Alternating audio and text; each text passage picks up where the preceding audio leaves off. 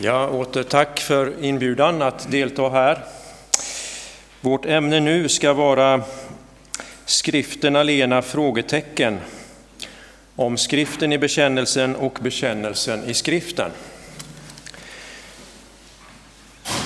Förening för bibel och bekännelse. Vi betonar ju ofta att Bibeln är inte bara något vi har och som vi äger och är stolta över, utan vi ska bruka den, vi ska använda den.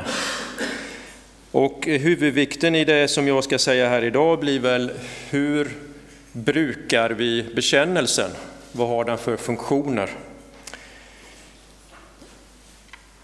Det finns, som vi vet, eh, samfund som ifrågasätter detta att ha bekännelse. Man säger skriften alena och inget mer, inga bekännelser, som de ibland kallas för non-creedal eller non-confessional, eh, eh, alltså kyrkor som har den hållningen. I Sverige har vi Missionskyrkan som nu heter Ekumeniakyrkan, jag förstod den heter fortsatt Missionskyrkan i, här i Norge och är ju ett exempel på det. Så när vi nu har en bekännelse, hur ska vi använda den? Men innan vi kommer dit så skulle vi vilja ha en inledning som alltså är om bekännelse i skriften. Om vi sätter upp de här som två, bibel och bekännelse, så är frågan hur de förhåller sig till varandra. Och i det här första fallet nu så är de helt synonyma. Det är nämligen bekännelser som vi har i skriften. Helt kort något om detta. Den allra mest kända från Gamla testamentet som brukar kallas för Israels trosbekännelse är ju femte Mosebok 6, vers 4. Hör Israel, Herren din Gud, Herren är en. Man får detta från Gud och man upprepar det, man säger det och det skapar folkets identitet. Det som ibland har kallats för en annan sådan tidig urbekännelse i Israel, det är denna formulering, Herren som har fört Israel ut ur Egypten. Denna formulering möter på flera ställen i Gamla testamentet, Herren som har fört Israel ut ur Egypten. Här har vi alltså hur Herren knyts samman med en historisk gärning. Inte hur han är i sig, i, sin, i sitt eviga väsen, utan vad han har gjort här i historien. Och det är så Israel bekänner sig till honom. Ett mönster som ju följs sen i den apostoliska trosbekännelsen. Ett annat sätt att bekänna vem Herren är, det är han som har gjort himmel och jord. Vår hjälp är i Herrens namn, han som har gjort himmel och jord. Återigen är det att hans gärningar, eh, vi, vi bekänner oss till honom genom de gärningar han har gjort i historien. Det är ju tänkvärt när vi tänker på hur Gamla testamentet börjar och hur Nya testamentet börjar, så är det inte i de höga metafysiska beskrivningarna av Gud, utan det är in i det historiska. Och där lär vi känna honom. Johannes evangeliet har ju en speciell inledning. Där får vi veta en del om hur ordet som var hos Gud och är Gud. Men sen går det att ordet blev kött, inkarnationen, där lär vi känna Gud. Så sammanfattningsvis i denna nu väldigt korta eh, exposé så bekänner man sig till Guds namn och vem han är och vid inkarnationen, hans gärning i skapelsen och i frälsningen. Och detta uttrycks, det upprepas och folket, Guds folk får så sin identitet. Jag tycker det här nu är värt att stryka under först, att bekännelse som fenomen finns i skriften. Och detta blir ännu tydligare när vi ser vidare in i Nya Testamentet. Där påminns vi ju om hur Jesus avlade den goda bekännelsen inför Pontius Pilatus. Petrus avlägger den goda bekännelsen när han bekänner att Jesus är Messias, den levande Gudens son. Och Paulus som har gett oss hur man, den här kortaste som bara var två ord, första kristna bekännelsen, Jesus är Kyrios. Jesus Kyrios. En sak här värd att reflektera över är hur de här bekännelserna i Nya Testamentet, av de här två stora nu apostlagestalterna, Petrus och Paulus, hur växer den bekännelsen fram? Det visar sig ju i båda fallen att de har en mycket lång väg att komma till att avlägga denna bekännelse. Vi känner Petrus väg och Jesu tålamod med honom. Vi var inne på det igår.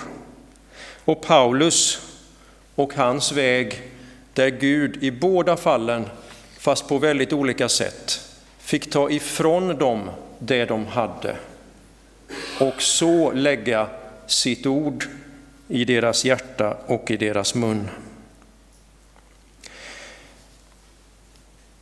Att bekänna heter på grekiska homo logeo. Och vi känner igen homo som är detsamma och så logos som eh, med att tala, säga detsamma som. Så vi bekänner, vi säger detsamma som Gud har sagt.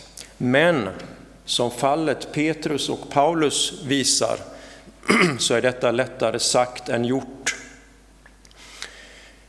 Vi kan tycka det låter väldigt enkelt, men en blick också på kyrkohistorien visar att det är väldigt svårt för oss människor att säga detsamma som Gud har sagt.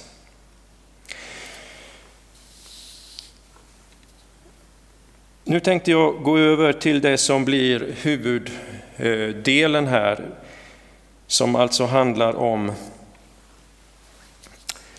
skriften i bekännelsen i meningen hur kan bekännelsen främja det som är skriftens ärende? Vilka olika funktioner har bekännelsen? Och utan att på något sätt göra anspråk på att detta är uttömmande, men så har jag ändå samlat de här under tio olika punkter. Tio olika slags funktioner kan vi säga. De är inte lika stora de här delarna utan det blir snarast några oxar och ganska många sparvar. Ehm, men det kan ge, tänker jag, beroende på vilka situationer vi är i, uppslag och något man kan gå vidare med att, att få med en, en mångfald hellre än att välja ut ett fåtal. Så att tio punkter men generellt för dem så ska vi tänka på att bekännelse kan betyda väldigt olika saker. Vi kan en del få associationerna till de här korta bibliska bekännelserna som att om du med din mun bekänner att Jesus är Herre, det är en bekännelse. Någon kan få en association till apostoliska, nicenska trosbekännelsen, andra till Augsburgska bekännelsen, alltså utredningar, teologiska, längre dokument. Men en aspekt som vi ska ha med, och jag kommer röra mig över de här olika, det är bekännelsen som akt, som handling. Ibland har bekännelse som ord kallats och beskrivits, det är ett verbalsubstantiv. Och det är ett substantiv som kommer från ett verb att bekänna och som det klingar med något av handling i när man säger bekännelse. Så bekännelsen som en akt ska vi också ta med. En fråga som vi här kommer komma tillbaka till men som jag också vill nämna inledningsvis. Före punkterna är att när man utgår från bibliska bekännelser, som några av dem vi har sett på, till exempel Petrus bekännelse till Jesus som Messias, så ligger det i hela bruket här nu av bekännelser att detta som Petrus säger går att säga också med andra ord än exakt de som Petrus använde. Och i det här ligger ju i att kristendomen är översättningsbar. Man har redan från början översatt Bibeln till andra språk och att bakom detta ligger, om vi tänker, ni vet, sak och ord. Att en sak kan uttryckas med olika ord och ändå vara samma sak. Så är ju inte fallet att man känner sig så pass fri i, i det här förhållandet inom till exempel islam, där Koranen är på arabiska och ska du citera den på riktigt så ska du också göra det på arabiska. Så har inte den kristna kyrkan sett det med hebreiska och grekiska, utan den är översättningsbar till andra språk och också att denna sak nu som ligger där i Jesus som, som Messias går att säga på andra sätt än just de bibliska fraserna. Det ska jag komma tillbaka till i, under en av punkterna. Den första av de här tio funktionerna då, det blir en bekännelse uttrycker inför Gud vem han är och vem jag är. Bekännelsen är inte något här primärt inför människor, utan det är inför Gud. Coram Deo. Jag talar till Gud i bekännelsens språk. Vi har de här bekännelserna vi har nämnt nu, som säger vem Gud är. Och jag får säga det till honom, instämma i de orden. Jag får också bekänna min synd.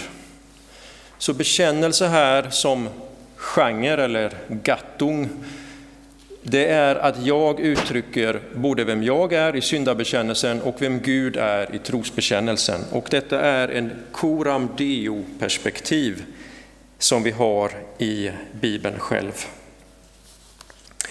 Till det här ordet jag nämnde, homologeo, så finns det ihop med olika eh, som går på samma rot, som ibland översätts i våra biblar med bekänna, men det kan också översätta att lovprisa. Det ligger i, i, i samma ordstam. Till exempel har vi ett och samma ord i Filipperbrevet 2.11 och Romarbrevet 15.9. I Filipperbrevet 2.11 översätts det, åtminstone i vår svenska, med att alla eh, ska bekänna att Jesus Kristus är Herre, Gud Fadern till ära. Medan i Romarbrevet 15.9 där står det, därför vill jag prisa dig bland hedningarna och lovsjunga ditt namn. Där har man översatt samma ord med lovsjunga. Och mycket av den här eh, dimensionen av bekänna vetter åt detta. Syndabekännelsen, men sedan bekännelsen av vem Gud är vad han har gjort, och det blir lovsång. Samtidigt är syndabekännelse och eh, trosbekännelse något som också är inför människor. Vi gör det tillsammans i gudstjänsten. Och vi kan nu tänka på de tidigaste formerna av den apostoliska trosbekännelsen som troligen användes ihop med dop. Så att vid dopet bekänner man inför Gud men också inför människor vad man tror på.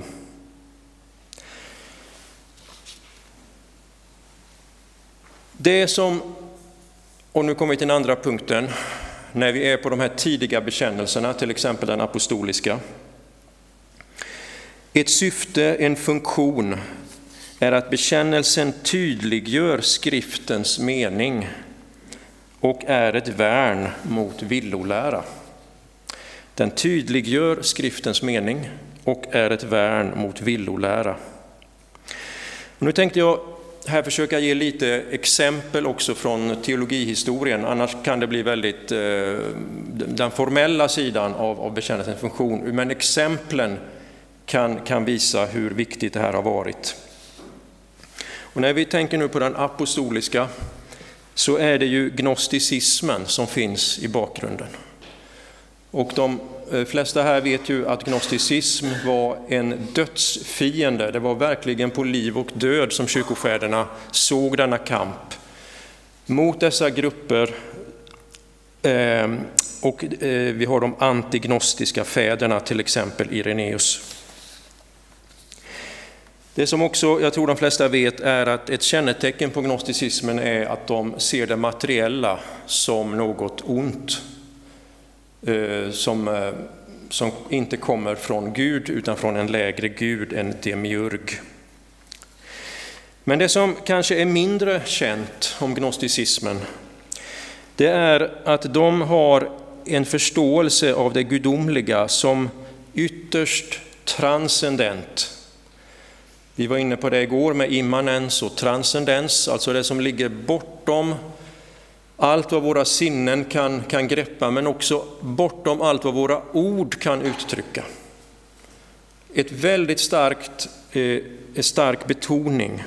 Så om Gud säger en del gnostiker bara så här. Det ena, som är kopplat till eh, grekisk filosofi och, och nyplatonism. Det okända, det tysta, Djupet kunde man tala om som Gud, det gudomliga. Det går alltså utanför och bortom allt vad vi kan tänka med vår tanke och uttrycka med vårt språk. Kombinerat nu med denna betoning av det transcendenta så använder man mängder av symboler och namn i de gnostiska skrifterna. Det är ett virvar av olika namn och makter och härskare och hur de förhåller sig till varandra. Men det jag skulle vilja stryka under här som är aktuellt, det är att många av dessa är kvinnliga, feminina symboler och namn.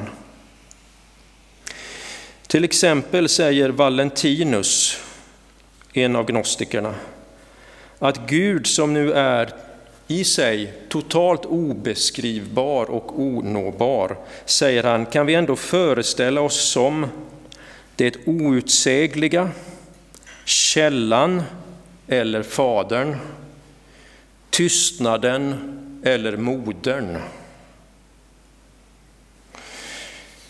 En kyrkofader, Hippolytos, han beskriver en grupp som gjorde anspråk på att de hade mottagit en hemlig tradition från Jesus, bland annat via Maria Magdalena.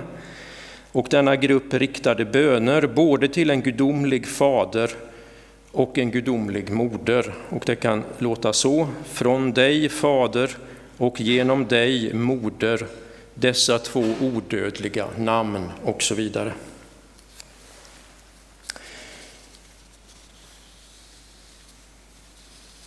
När detta nu fanns och kyrkofäderna, Ireneus och andra, skulle föra vidare vad de tagit emot från apostlarna, så formuleras alltså den apostoliska trosbekännelsen som de såg som ett sätt att förstå den apostoliska eh, förmedlingen och nu som ett värn mot detta.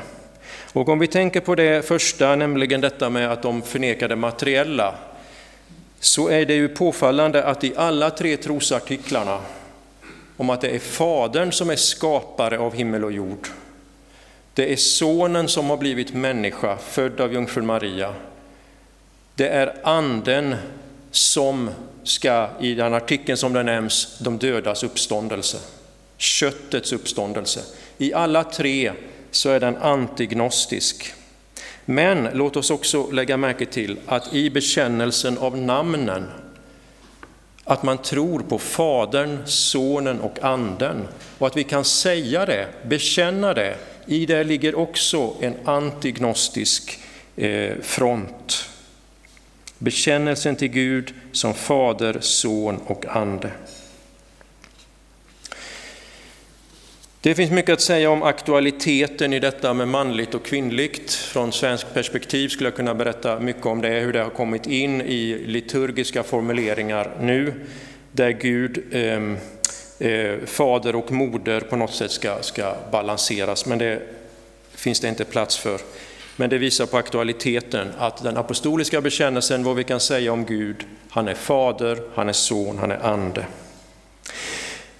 Går vi fram så möter vi en annan strid i fornkyrkan som på sätt och vis är lik men ändå olik. Går vi fram till den nissenska trosbekännelsen 325, då är det en stor skillnad, nämligen att nu har man en skriftsamling som man är mer eller mindre överens om. Det hade man inte med gnostikerna, för de åberopade egna evangelier. Eh, Thomas evangeliet är det mest kända, men även andra uppenbarelser för Petrus och Johannes och andra. När vi kommer fram nu till den nissenska trosbekännelsen, då är det mer hur ska vi tolka denna skrift, denna kanon som nu har, har, har vuxit fram. Då har vi arianerna och här tänkte jag bara ta upp egentligen detta att man tar in ett icke bibliskt ord. Homoousios, av samma väsen. Sonen är av samma väsen som Fadern. Och det speciella här är att till skillnad från den då apostoliska så tar man in en filosofisk term här. Och det var mycket debatt omkring detta. Och jag tänkte ge en liten eh, inzoomning eh, på den. För vi har i, en intressant, eh, i ett intressant brev från en av dem som var med och som försvarade den nicenska, som vi har den nu, bekännelsen. Han hette Athanasius. Han var som ung man med en biskop som hette Alexander från Alexandria vid detta kyrkomöte och han skriver i ett brev till en grupp biskopar i Afrika. Det är skrivet någon gång 366-367 där han skildrar hur införandet av detta uttryck gick till. Athanasius skriver att man ville tillbakavisa arianerna, som alltså förnekar då att Jesus är sann Gud. Man ville tillbakavisa dem med skriftens erkända språk. Men, säger han, Eusebius av Caesarea, en ledande arian, och hans likasinnade överlade med varandra och sa, låt oss hålla med att vi kan säga att sonen är Herre, han är Gud och andra ord som Bibeln har. Men sedan så utlade de dem i linje med sin förståelse att han inte är den högste guden. Han är en herre, men inte den högste Herren. När frågan preciserades, skriver Athanasius, så blev man tillfrågad om man kunde säga att han är sann Gud.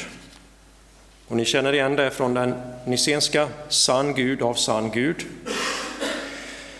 Och han såg hur de nickade mot varandra, de arianska grupperna. När man så inte kom längre, utan de tog varje biblisk, eh, bibliskt uttryck, men förstod det enligt sin tolkning att Jesus inte är Gud, då tar man in som en sista utväg detta homo osios. Och här har vi återigen homo, samma, och osia, osios, som är väsen. Det som gör något till vad det är. Så Guds väsen är det som gör Gud till Gud.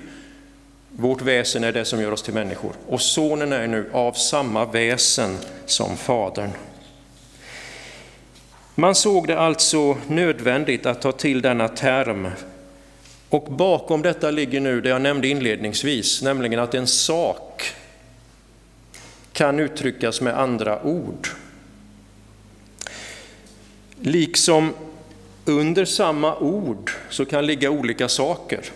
Så arianerna och de ortodoxa kristna här, de hade olika i sak, men de skulle ändå som arianerna kunna vara under samma ord. Och det här fenomenet kallas ibland för equivocatio. Man säger detsamma, men man menar olika. Och för att komma åt detta, då har bekännelsen den funktionen att liksom skingra dimmorna och töcknet och komma åt saken. Men jag tycker det är viktigt att lägga märke till här hur väldigt motvilligt man tog det här steget att använda den filosofiska terminologin in i teologi. Och det har sedan varit den eh, lutherska hållningen.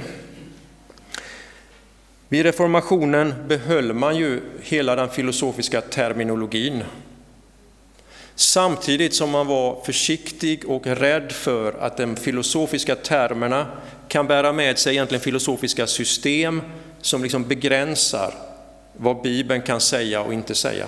Att den tvingas in som i en tvångströja. En som diskuterar detta på 1500-talet är Martin Chemnitz.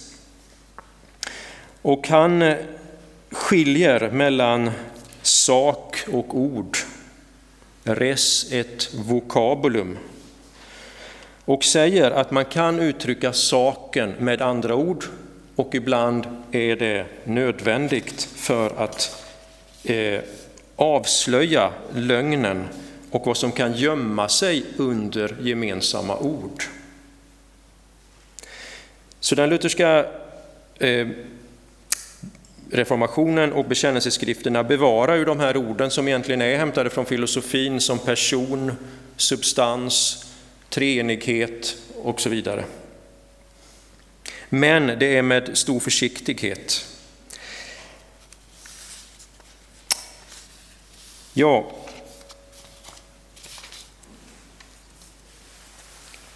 eh, det finns ju ett ställe där Luther säger så här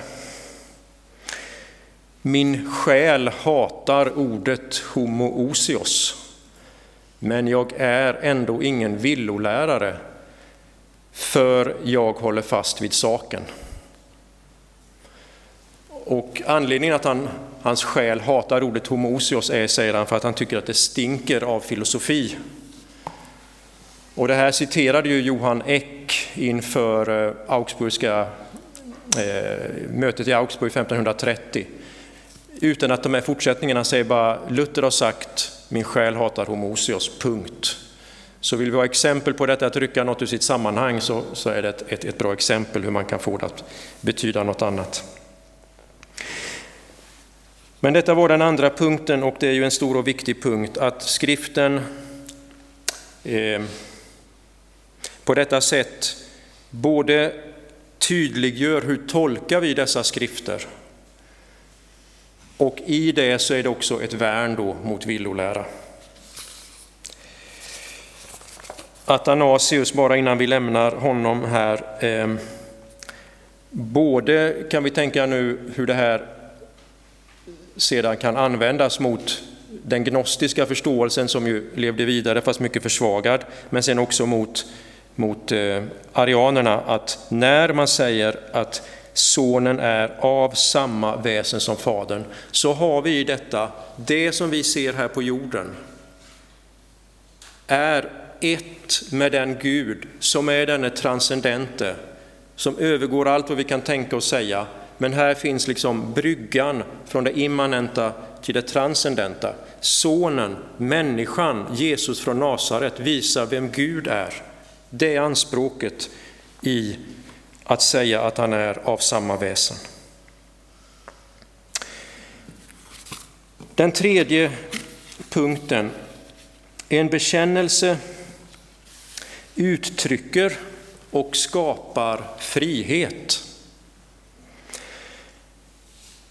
Tvärt vad många tänker så skapar bekännelsen frihet. Många av de här non-creedal denominations, de skulle säga att en bekännelse blir som en slags mm, eh, bundenhet, begränsning gentemot skriften, att bara ha skriften. Men istället när en bekännelse uttrycker nu den bibliska sanningen på det sätt som vi har, har sett här, så är den en bundenhet som samtidigt är en frihet. När vi tänker på hur bundenheten vid Kristus och hans ord och hans bud kan ses som en frihet från bundenhet till andra makter och andra bud, så kan en biblisk bekännelse på det här sättet ses som en frihet från andra meningar, från andra traditioner, från andra organisationer och så vidare.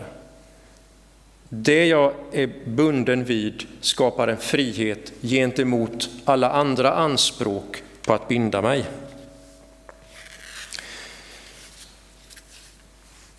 Eh, vi kan här ge ett exempel på hur, hur detta har tagit sig uttryck i historien. Och jag tänker nu på när Luther upptäcker evangeliet. Vilket jag personligen inte tror har skett när han, när han spikar sina teser 1517.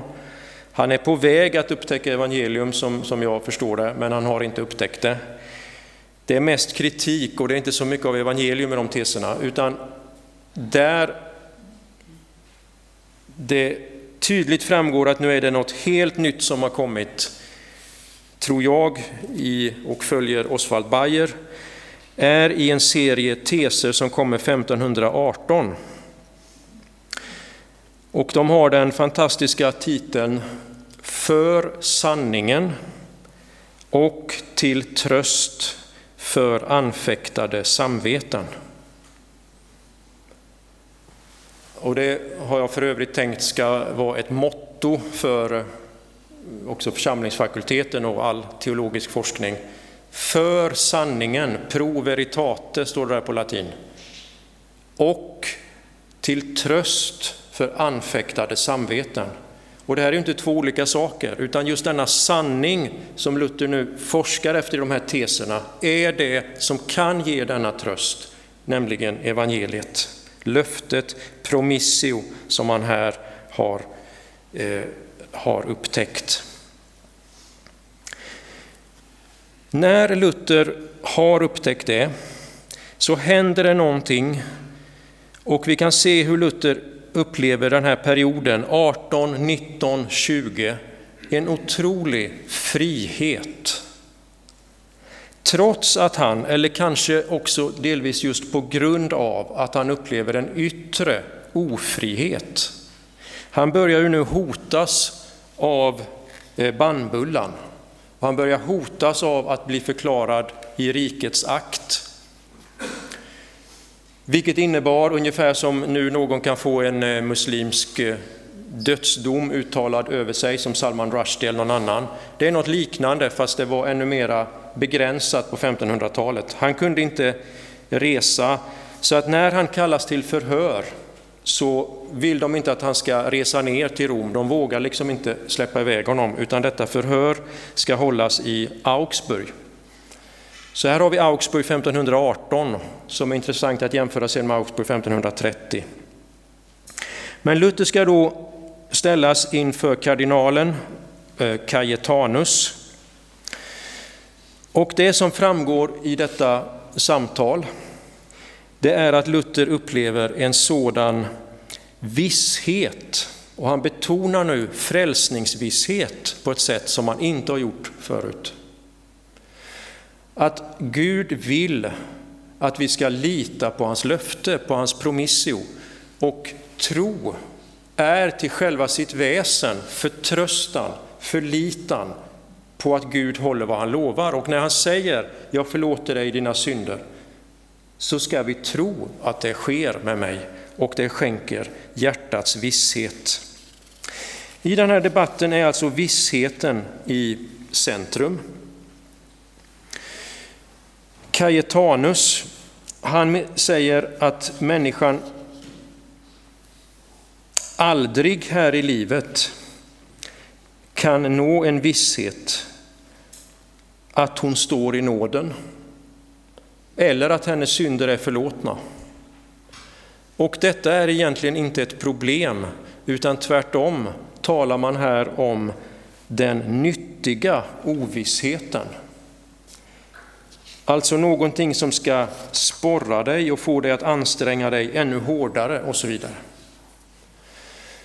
Men när Luther har fått denna visshet om syndernas förlåtelse i Kristus, om trons visshet, frälsningsvisshet, så löser det honom från de här mm, banden som man fortfarande länge har känt till påven och till hela eh, den romerska kyrkans anspråk på vägen till frälsning. Det här frihetstemat hos Luther, det kommer ju till uttryck också i några boktitlar senare. 1520 om en kristen människas frihet, men också 1520 har vi boken om kyrkans babyloniska fångenskap. Så hela detta tema, eh, bunden fri, är viktigt för honom här.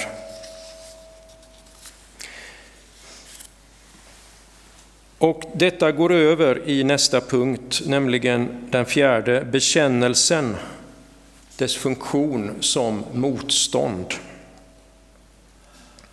Det är ur denna visshet som Luther har till Guds ord. Han säger att hans, hans samvete är bundet vid ordet. Han kan inte, här står jag och kan inte annat. Han är på olika sätt så bunden vid det att han inte kan handla på annat sätt än han gör. Det leder nu till hans frihet från yttre institutioner och så kommer kyrkokritiken. En sådan kritik måste ju komma från någonting och i Luthers fall från det som är bekännelser. Och jag ska komma tillbaka till det här alldeles strax, men det är intressant att se hur den lutherska kyrkan har vuxit fram genom bekännelser, genom teser, som är en form av offentlig, eh, även om de ska diskuteras och försvara dem, de är affirmativa, du säger någonting, du hävdar någonting.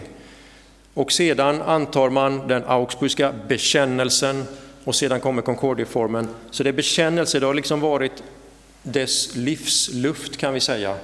Och här används det alltså nu mot anspråk från en kyrkoledning som ställer krav på avlat, på bikt och annat för att den här vägen till frälsning som inte stämmer med Guds ord. Och då blir bekännelsen till det man tror på samtidigt nu en bekännelse mot vad man inte tror på, som i det här fallet kyrkan ålägger folket. Och detta leder över till den femte punkten, en bekännelse samlar och skiljer. Den samlar och den skiljer. Och nu tänkte jag säga något mer om den här lutherska bekännelsetraditionen, därför den går in i modern tid. Och jag skulle vilja här eh, kort säga något om Betelbekännelsen, som är en luthersk bekännelse som eh, är mycket mindre känd än Barmenförklaringen. Och Barmenförklaringen var ju den tyska kyrkokampen när kyrkan, vi kan säga, kom i nationalsocialismens kyrkopolitiska grepp. Så samlades man runt i, i bekännelse, Bekennende Kirche, Barmenförklaringen, 1534. Men året innan det, 1533, försökte en grupp lutherska teologer skriva en sådan bekännelse. Och det här har en väldigt spännande förhistoria för övrigt. Ehm, jag får titta på klockan för den kan man säga mycket om. Hitlers eh, tal, han håller ett radiotal till tyska folket eh, 1933 eh, och säger att i kyrkovalet som nu stundar så skall ni rösta på Deutsche Christen. Det är ett bra och pålitligt parti. Och i det här valresultatet då så får Deutsche Christen eh, en överväldigande majoritet. Då samlas olika präster och församlingar och rådgör och vad ska vi göra? Och det bildas ett så kallat Notpfarrerbund, eh, ett, ett, eh, ett, förbund, ett nödförbund för präster. Och där finns till exempel den eh, från första världskriget kände ubåtskaptenen Martin Niemöller som blev präst, en av de som finns med där i motståndet och man tänker vad ska vi göra?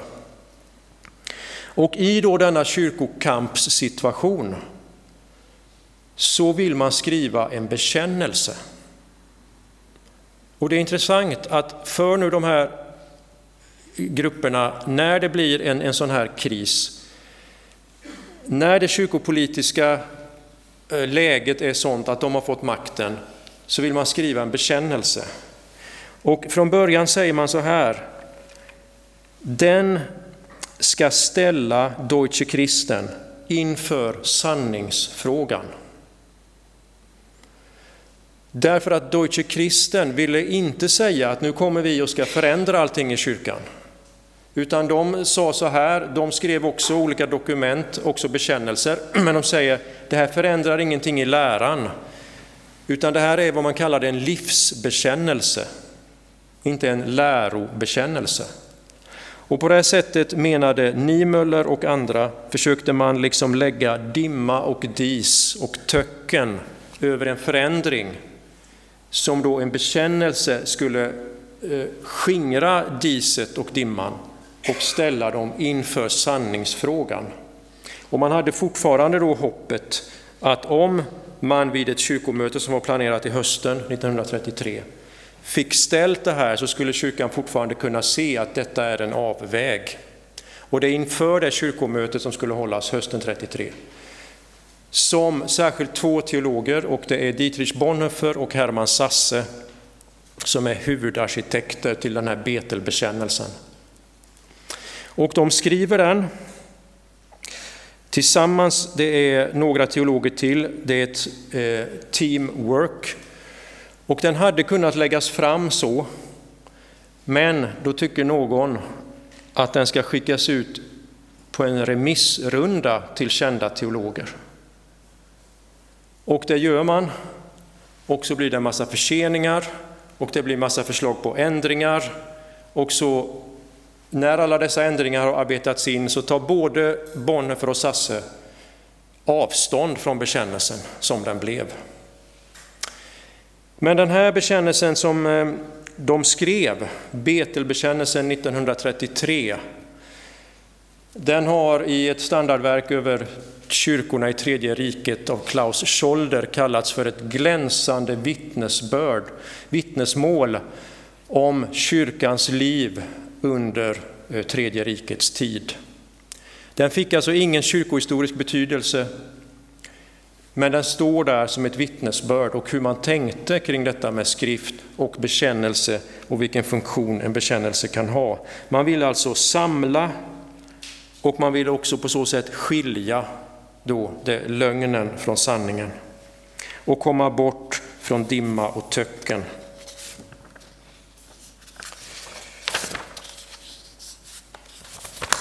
Därmed är vi inne på det sjätte som jag ska säga något väldigt kort om, för det kanske är en ganska självklar punkt, nämligen bekännelsen som norm.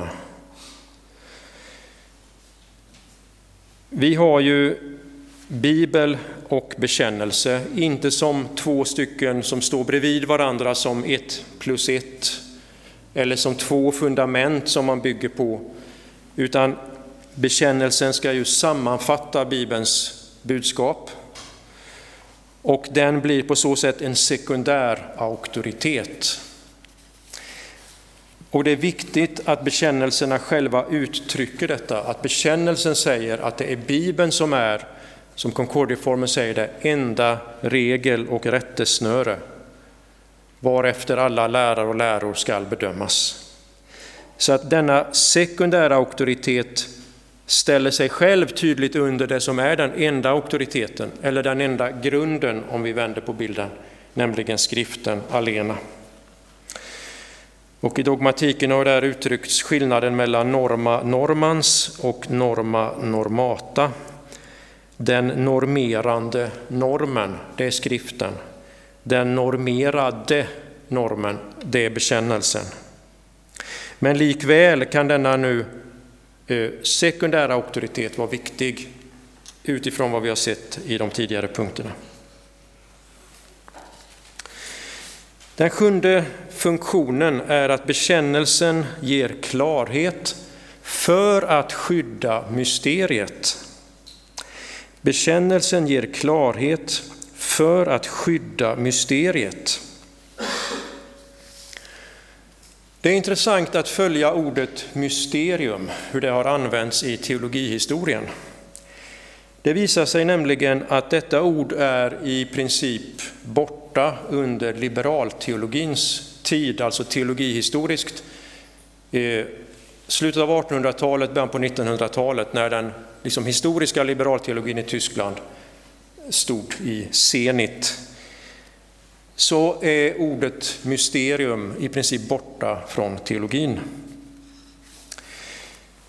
I de lutherska bekännelseskrifterna finns det och liksom allt där så vill man nu hitta skriftstöd för det som man använder i teologin.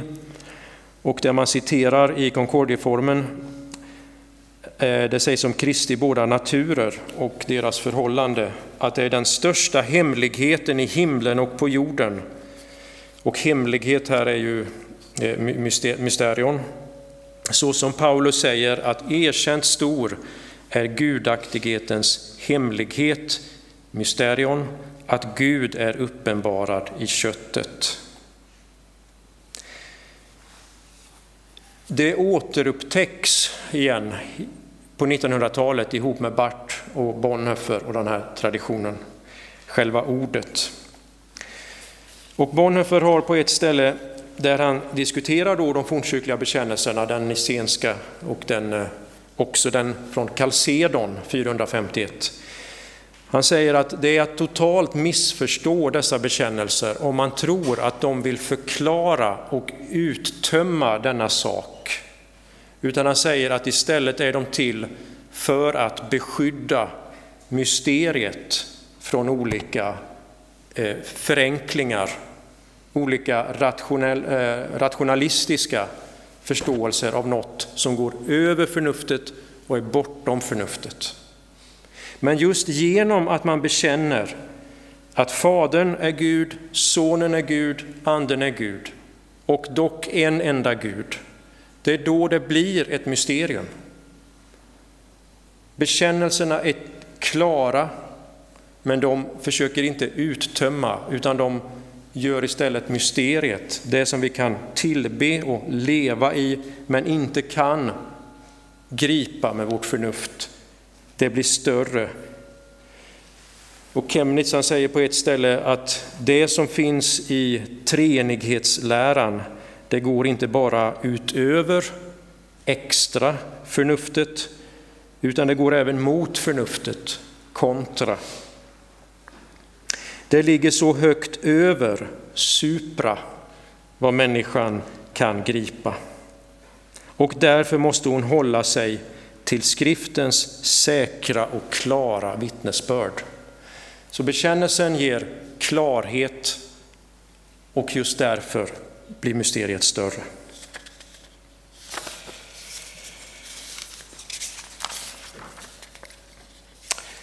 Den åttonde punkten, bekännelsen som akt. Bekännelsen som en förkunnelse av Guds ord. Om jag återvänder nu till Betel. Och det var inte bara när det var nödsituation som man ville samlas runt en bekännelse, utan det låg liksom i hela deras förståelse av att vara kyrka och församling, att vi bekänner. Men det spetsades till och samma söndag som det här katastrofala kyrkovalet hölls i Tyskland efter Hitlers tal, det är den 23 juli 1933, så håller Dietrich Bonhoeffer en predikan i Trefaldighetskyrkan i Berlin. Och den text han predikar över är Matteus 16, där Petrus bekänner att Jesus är Messias. Och jag citerar nu från hans predikan. Jesus säger där att jag, eh, jag ska bygga min församling, jag ska bygga min kyrka. Och Bonhoeffer skriver, säger, ingen människa bygger kyrkan, utan det gör Kristus alena. Den som vill bygga kyrkan håller redan på att förstöra den. Ty han kommer att bygga ett avgudatempel utan att varken veta eller vilja det. Vi ska bekänna, han bygger. Vi ska förkunna, han bygger. Vi ska tillbedja, han bygger. Det är en stor tröst som Kristus här ger sin kyrka. Du ska bekänna, förkunna, vittna om mig, men jag ensam vill bygga var helst det behagar mig. Och lite senare säger Bonhoeffer så här.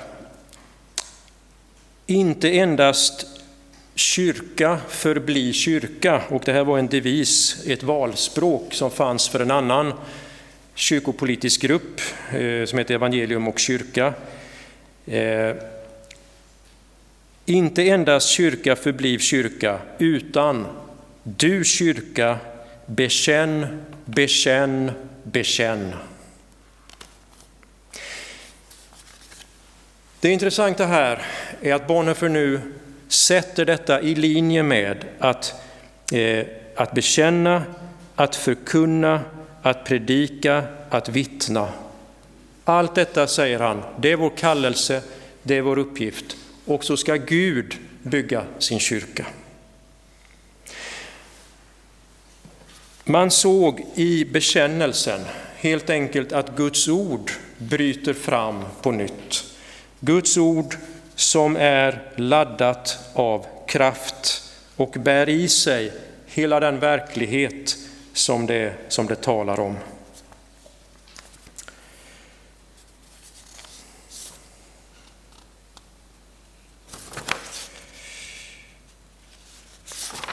Den nionde punkten Bekännelsen som traditionsförmedling av skriftens budskap. Bekännelsen som traditionsförmedling av skriftens budskap. Ibland uppfattas ju skriften alena som att ingenting annat får finnas. Men så har den aldrig uppfattats i den lutherska kyrkan. Utan vi vet ju att redan från början skriver Luther sina katekeser, salmer, eh, hymner. Allting som säger samma sak och som gör att detta kan traderas i församlingarna till barn, till, till alla åldrar, alla hjälpmedel. Och här finns också bekännelserna, så att både den apostoliska nicenska, när de används i våra gudstjänster, när man lär dem i eh, barnaläran, i katekesen och så vidare, är ju ett sätt där bekännelsen är en del i den tradition som den lutherska kyrkan har. Och vi kommer in här lite på traditioner i Augsburgska bekännelsen är genomgående något negativt. Melanchthon talar om de mänskliga traditionerna. Det är det som har kommit till kyrkan som inte har stöd i Guds ord. Men tradition i sig, när det förmedlar det bibliska, har man inget emot, tvärtom. Och som många av er vet, Martin Chemnitz, han behandlar begreppet tradition och han skiljer på åtta olika typer av tradition och säger att vi bejakar sju av dem. Men den åttonde, det är där vi skiljer oss från den romerska kyrkan. Men alla de övriga sju, eh, och den här åttonde är när traditionen sätts på samma nivå som skriften och man kräver att den ska tas emot och vördas på samma sätt som det som står i skriften. Så här blir bekännelsen en del i den goda traditionen.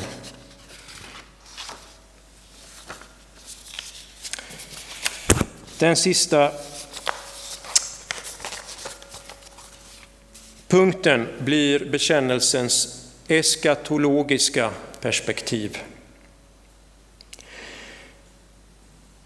När eh, bekännelsen avläggs så är det inte bara här och nu, utan det är någonting som siktar framåt.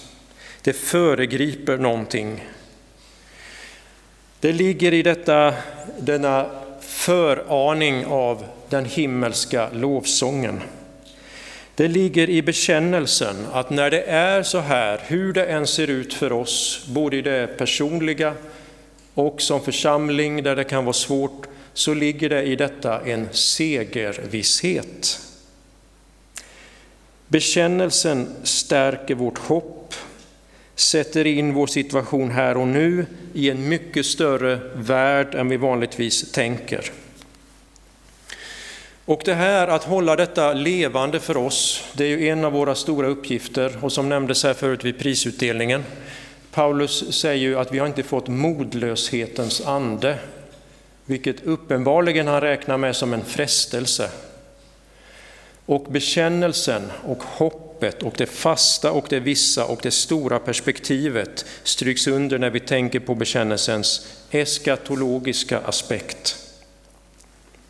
Och att få in detta i sin livsrytm, om vi får kalla det så, det är ju det Luther försöker när han i Lilla katekesen ihop med morgonbönen och aftonbönen föreslår att vi ska läsa trosbekännelsen. Och att där påminnas om Fadern, Sonen, Anden, om gärningen i skapelsen, frälsningen och det kommande, det är att sätta in sin vardag i Guds stora handlande och påminna sig om det. Och att hålla detta levande, det är en av de svåra uppgifterna vi har i vår tid, där vi kan samlas i kyrkan på söndag, men hur är det mellan där? Hur blir detta en del av den, dag, det dagliga, den dagliga livsvägen? Då kan bekännelsen vara till hjälp. Och vi behöver inte läsa hela apostoliska, vi kan tänka Fadern, Sonen, Anden, bara att påminna sig om det vid olika tidpunkter under dagen och veckan är denna vandring där bekännelsen kan ha en funktion. Jag tänkte nu att vi ska avsluta med att läsa en stark bekännelse vi har i Uppenbarelseboken. Det är i kapitel 7. Det är när det skildras en stor skara som ingen kunde räkna av alla folkslag och stammar och länder och språk. Och de ropade med hög röst, frälsningen tillhör vår Gud, honom som sitter på tronen och Lammet. Amen.